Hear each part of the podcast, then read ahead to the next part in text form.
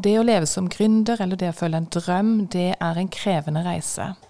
Men når du har Gud som arbeidsgiver eller oppdragsgiver, så er det en enklere reise. Og du trer inn i noen prinsipper og løfter som gjør reisen så mye lettere. Det skal du få høre mer om i dag.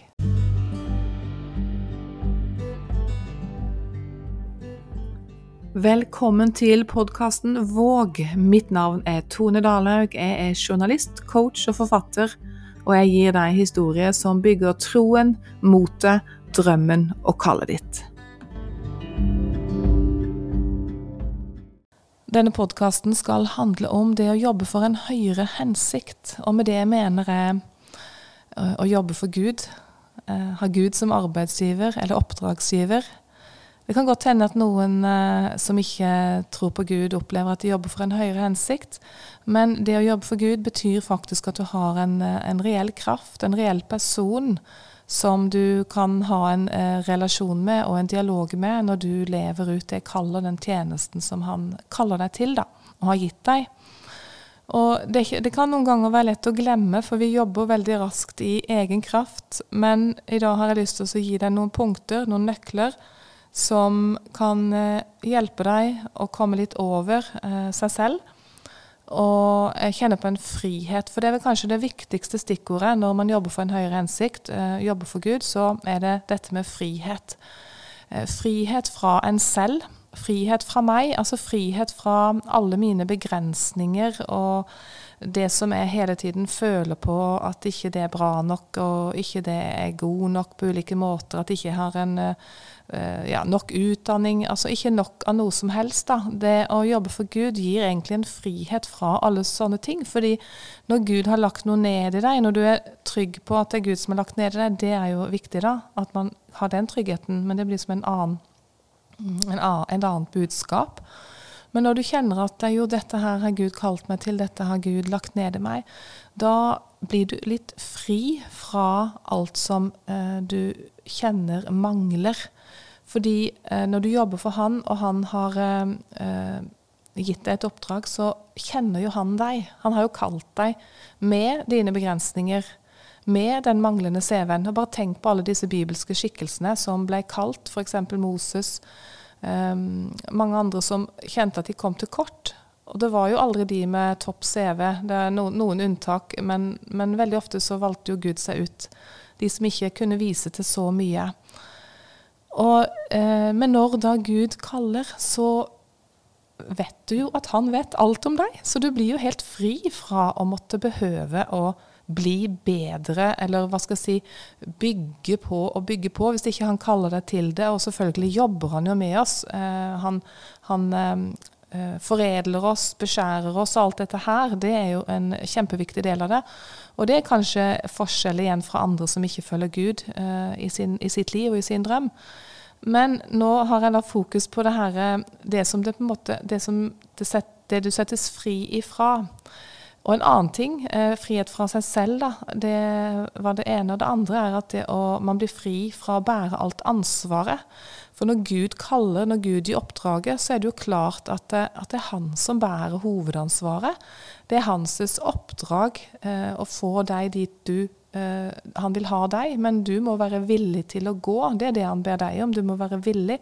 Men det er jo hans eh, ansvar, og han vil virke i deg til å ville. Og når du kjenner motstand, så kan du rett og slett be han uh, gi deg vilje til å gjøre det han ber deg om. Og så er det også frihet fra alt sånn buddhisme, som uh, noen kalte det. Alt du burde hele tiden. Og jeg burde gjort ditt, jeg burde gjort datt, burde gjort datt. Men nei, vet du hva. Når Gud kaller, vet du, så er det det du skal gjøre.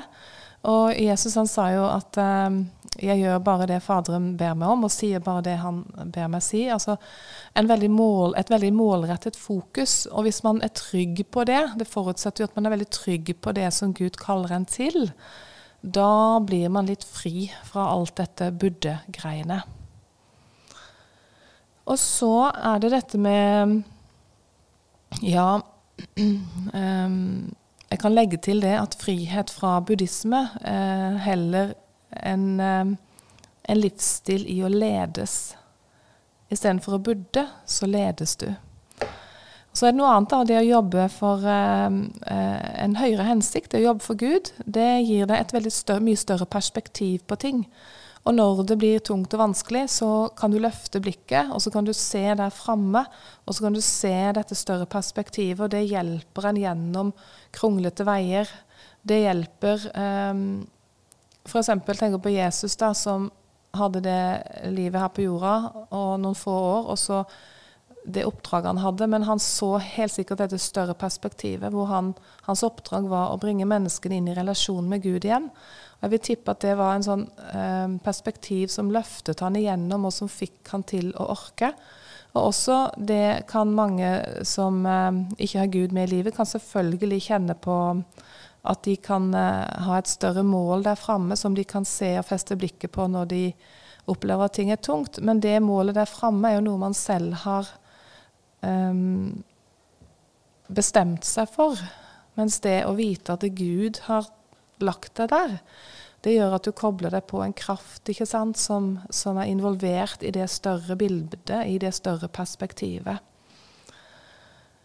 Og så kan vi også, det, det som også trer inn, det er at det blir eh, det er et sånt prinsipp om å se framover. Gud ser alltid framover. Og så kan vi tenke at ja, jeg er ikke der jeg vil være. Nei, men du er heller ikke der du var. Og Gideon, ikke sant? Han sa, han, Gud sa jo til Gideon Gideon var jo kjemperedd. Han skalv i vinpressen, og de levde jo under undertrykkelse på den tiden i Israel. Og de var redde for uh, fienden som hele tiden kom og tok avlingene deres. Så derfor står han og skalv i vinpressen. Kommer de nå, kommer de nå? ikke sant? Og så sier Gud, gå så sterk som du er. Uh, så Gud så Uh, han, han, så noe lenger framme. Han så noe der framme. Han, han, så uh, en modig og sterk Gideon, som han uttrykker det. Men han ber han bare gå så sterk som du er. Og det er også dette uh, befriende, da. At ja, du er ikke der du ønsker å være, men se litt framover. Se det Gud ser. Se det for deg. Og så har han bare sagt at du skal gå så sterk som du er. Og så er det et annet perspektiv. Og det er kanskje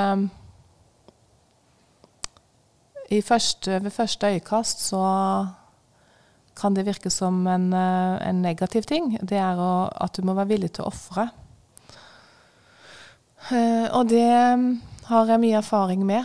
Veldig mye erfaring med. Men det som, er, det som, er, erfaringen med det, det er at det gir en glede og en frihet. For det å være villig til å ofre noe, altså det å kunne si dette her vil jeg ikke ha. Dette, eller, eller, dette her um, som jeg føler jeg må ha hele tiden, det er jeg villig til å ofre.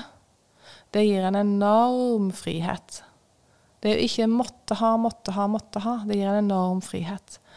Jeg har ofret uh, bok, jeg har ofret det å få barn, jeg har ofret en master, jeg har ofret hele visjonen min. Alt sammen har jeg fått.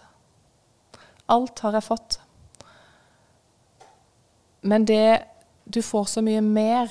Du får så mye mer tilbake, og du får en, en annen drivkraft, og du får en, et renere motiv. Så det du får etter å ha ofret det, er mye bedre enn det du ville fått uten. Så villigheten til å ofre, det eh, er noe som vokser fram gjennom å leve for en høyere hensikt.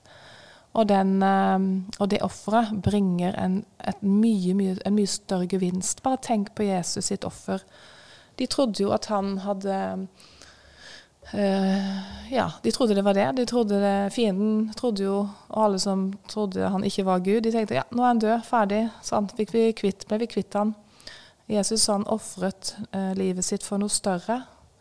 Og han eh, fikk absolutt eh, se dette store tre inn gjennom hans offer. En hel verden fikk muligheten til å koble seg på Gud igjen gjennom tro. Eh, det var det han egentlig vant gjennom det offeret. Det, det, så ikke motstanderne, men noen så det etterpå.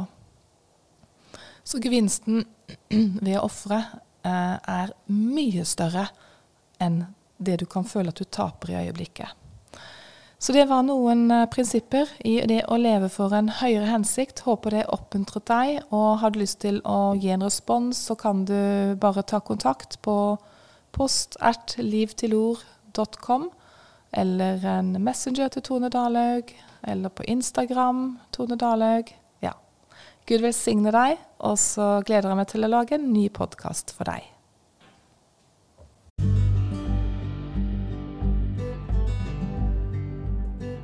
Tusen takk for at du lytter til podkasten Våg, og del den gjerne med andre som du tror kan ha glede av den.